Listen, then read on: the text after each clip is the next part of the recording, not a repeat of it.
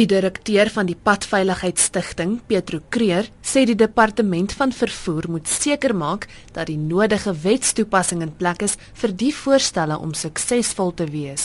Die wetgewing soos dit staan is gelykstaande aan wêreldgehalte. Dis van die beste wetgewing in die wêreld. Die verandering in wetgewing gaan nie veroorsaak dat mense se gedrag op ons paaie verander as dit nie ondersteun word deur effektiewe onomkoopbare wetstoepassing nie.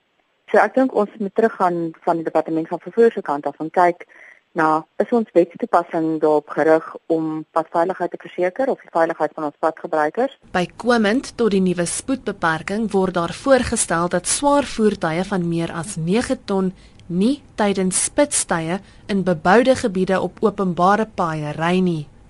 'n Vervoer-ekonoom by die Universiteit van Johannesburg, professor Jackie Walters, sê hierdie voertuie sal nie ekonomies benut kan word soos wat hulle veronderstel is nie. Die effek sal baie drasties wees, veral as mens kyk na langafstand vervoer wat in die stedelike areas inkom.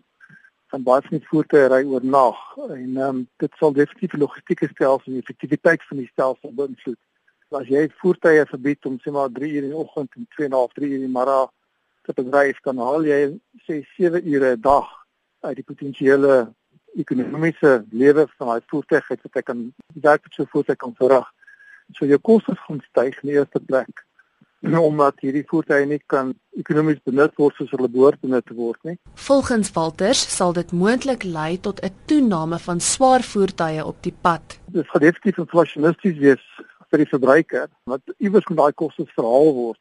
Ek dink die effek wat mens moontlik ook ook mag hê is dat dit eintlik tot 'n toename in swaar voertuie kan lei te spaai omdat die voertuie minder gebruik kan word maar ek en jy eet nie minder nie, ons koop nie minder brandstof nie. Baie voorraad moet nog steeds vervoer word maar 'n baie korter periode. Sê so waarskynlik wel 'n toename in aantal swaar voertuie pad kry as een van die ongewenste uitwerkings van so benadering. Dit was 'n vervoer-ekonoom by die Universiteit van Johannesburg, professor Jackie Walters.